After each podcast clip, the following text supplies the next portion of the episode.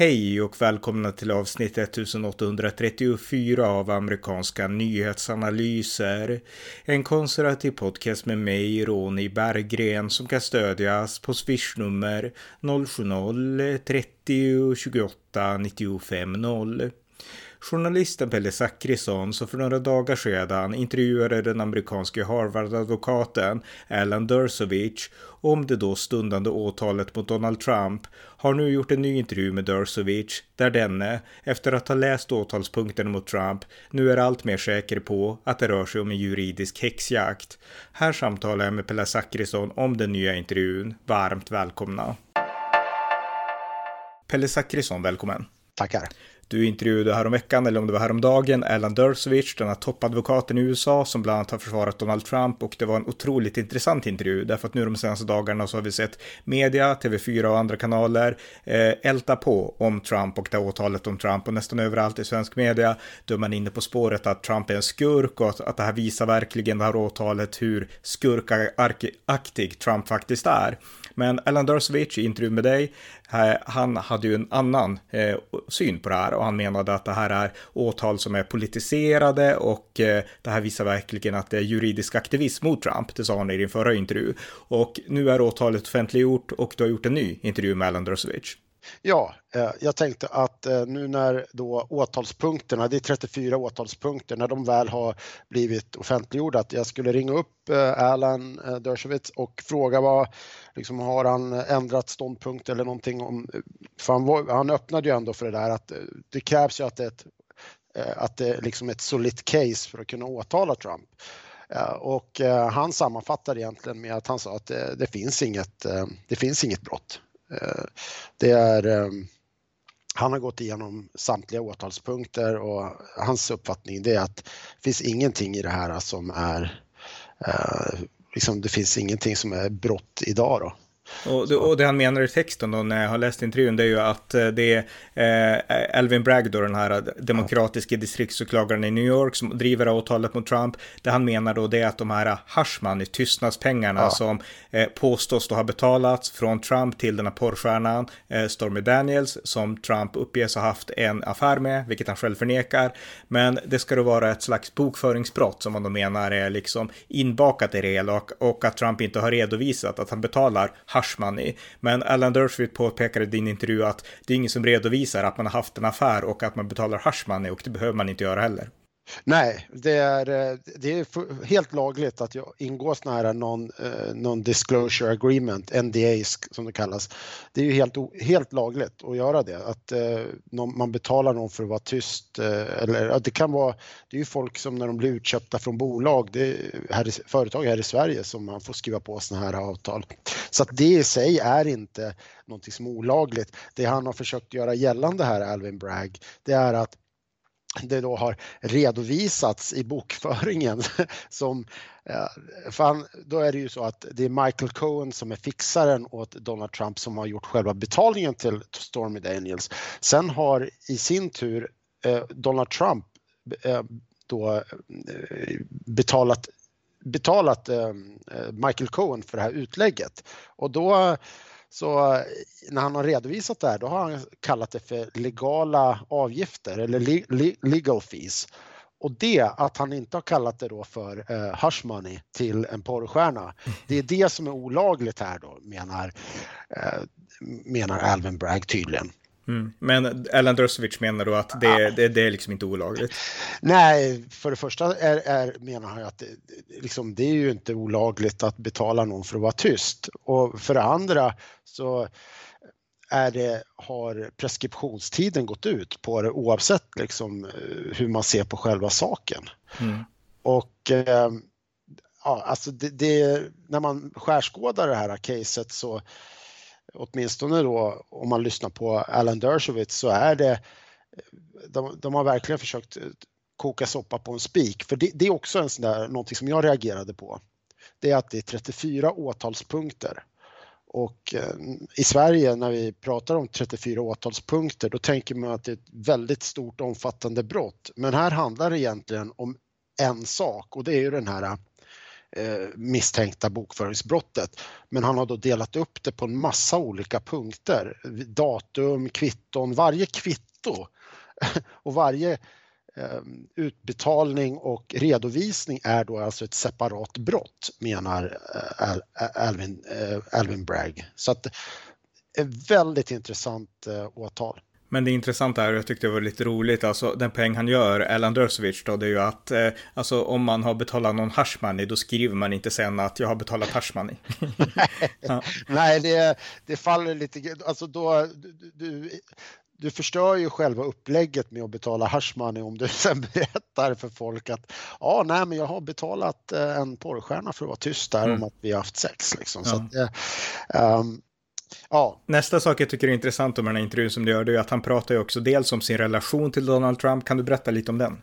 Ja, alltså han, han eh, försvarade Donald Trump i, i riksrätten där 2019, 2020 och eh, eh, men han säger ju att han har ju ingen liksom, närmare relation med Trump annat än att eh, han har pratat med honom sporadiskt och att Trump brukar ringa honom ibland och, och även skälla lite på, på Dershowitz då för att Dershowitz är ju demokrat och röstar på Biden och är väldigt öppen med det. det här är något som Trump tydligen då eh, klagar lite grann eh, på. Det säger han, sa han skämtsamt då. Det är ju mm. det är inget jätteallvarligt så men så det, det, en ganska ytlig relation alltså? Ja, väldigt ytlig uh, utifrån det han berättar för mig.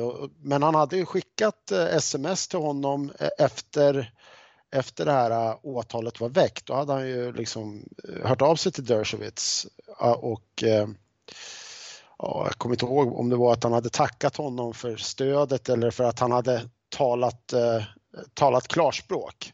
Och det är också så att Trump har liksom promotat den här boken Get Trump som Dershowitz har skrivit. Mm.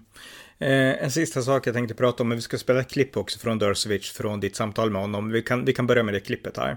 Ja. Look, there's no virtue uh, among the extremists on either side. Extremists on both sides want to weaponize the criminal justice system. The extremists on the left want to go after Biden, his son, the various Garland, uh, home home secretary, and the people on the left want to go after uh, obviously Trump, his lawyers, his family, um, and it's wrong. Uh, nobody should be going after anybody. If crimes are committed, they should be prosecuted. But the crime has to come first, not the targeting. And the targeting creates a terrible, terrible problem for America. The the prime minister of um, or president, I forget which of El Salvador, recently wrote a tweet saying, "How can you lecture us on democracy when you have a small town a small local prosecutor going after the man running for president against your incumbent leader. Uh, don't lecture us on democracy when you allow that kind of thing to happen. And you know, it's it's hurting the posture of the United States around the world. And uh, no local prosecutor should have that kind of untrammeled power to campaign on a pledge to get somebody and then go out and get them. That's just wrong. Och i det här klippet då så säger Dershowitz att eh, man ska inte politisera rättssystemet i princip. Och i intervjun som du gör så drar han också paralleller till, och jag tycker det är otroligt intressant, till södern när man gjorde allt för att sätta dit liksom advokater på fel sida och sådär. Han drar, han drar väldigt intressanta paralleller. Kan du, kan du beskriva de paralleller som han, han drar till den här, det han menar då häxjakten mot Trump? Ja, nej men han, eh, han eh, han beskriver ju hur han som ung advokat åkte ner i södern och eh, tog sig an eh, medborgarrättscase. Eh, och eh, Dershowitz har ju en lång historia av att ha liksom, jobbat för eh, medborgar, medborgarrätt, medborgarrättigheter i USA. Och när, han, när man då åkte ner till, till södern så då var hans bild är ju att alla var emot den och att de, alltså man skulle undvika att hamna i trubbel till varje pris. Och det är i princip inte då, som han säger här, spotta på trottoaren för att då, liksom, då jäklar, då kommer de försöka sätta dit det. Och det är det han menar att man gör idag med eh, Donald Trump. Att eh, man försöker sätta dit honom med alla tillbudstående medel. Mm. Och det, alltså det är en tung, det är en tung person som uttalar det här. Det här är ju ingen, det är liksom ingen dussinlirare. Nej. Och jag menar så här, jag tror han nämner till och med att så här gör man när man motverkar maffian. Jag tror det mest kända exemplet är Al Capone när man fick fast honom till slut för att han åkte till en annan delstat och gjorde någonting, alltså något mindre brott, ett vapenbrott. Alltså inte, inte ett rån, utan han hade vapen illegalt bara, tror jag, i någon delstat. Sen kunde man sätta fast honom och låsa in honom. Och så kanske man kan göra, legitimera mot maffian möjligtvis, men alltså att göra så mot en president så här, det är ju liksom, eh, ja, det är rättsaktivism egentligen. Och han konstaterar också att båda partier gör så här. Ja, ja, jag tycker det var, det, det, är ju intressant för det skriver han i sin bok om just det här eh, fallet med hur republikaner nu är, försöker sätta dit eh, den här inrikesministern Alejandro Mayorkas och dra honom inför riksrätt. Mm. Um, och, och, då gör de ju sig skyldig till exakt samma sak som de nu tycker att Demokraterna gör och, och med, med då gott, eh, liksom, det finns ju goda skäl för Republikanerna att vara kritiska.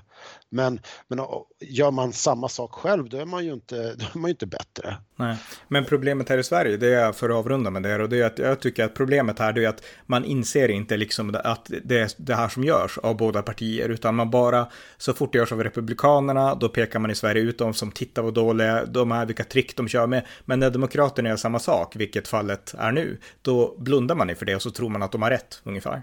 Ja, ja alltså man utgår ifrån ett så vänsterliberala, man har på sig vänsterliberala glasögon när man, när man betraktar USA. Man, man förutsätter att ja, men när de gör det här då, då gör de det för att de, de har goda, de har ett gott uppsåt ungefär. Mm. Och, och det, då, då, blir det ju bara snett för att du är ju ofta, du har ju ofta varit inne på det här med att, eh, att, eh, att media i Sverige har en bild av att eh, av en kokohöger i USA, att republikanerna är liksom galna. Medan man då ser att eh, demokraterna, men de är snälla, de är ungefär som i Sverige. Ehm, och, och då går det ju inte att förstå USA om man har den bilden av, det går inte att förstå eh, vad, varför halva USA röstar på ett parti då som är helt galna. Det, det blir ju helt ologiskt. Mm. Och, och den här bilden, ja det är ju din podd ju, har ju verkligen varit eh, ett ljus i mörkret där kan man ju säga. Ja, tack så mycket. Men även intervjuer som de du gör är väldigt viktiga. För jag menar, den här intervjun som du gör med Dursovic, det är en av få. Visst, jag har min podd, men jag är inte känd på det sättet. Men Dursovic är ju världskänd. Så jag menar, här får vi in ett direkt amerikanskt perspektiv i Sverige på svenska. Så att det är grymt bra. Och jag vill avsluta med att rekommendera er som lyssnar då att eh, gå in på Pelle Zachrissons Substack, pellez.substack.com och läsa den här senaste intervjun med Erland Dursovic. Och för att avsluta då, så man kan väl säga så här då att Trump, han smsar och ringer inte så mycket med Erland Dursovic, utan ni har ungefär samma relation, du och Trump, till Erland Dursovic. ja, vi får väl säga så. Ja, uh, ja okej, okay, men tack så mycket Pelle. Tack. Tack för att ni lyssnat på amerikanska nyhetsanalyser. En konservativ podcast som kan stödjas på swishnummer 070-30 28 95 0 eller via hemsidan på Paypal, Patreon eller bankkonto. Skänk också gärna en slant till valfri Ukraina-hjälp. Vi hörs snart igen. Hej så länge.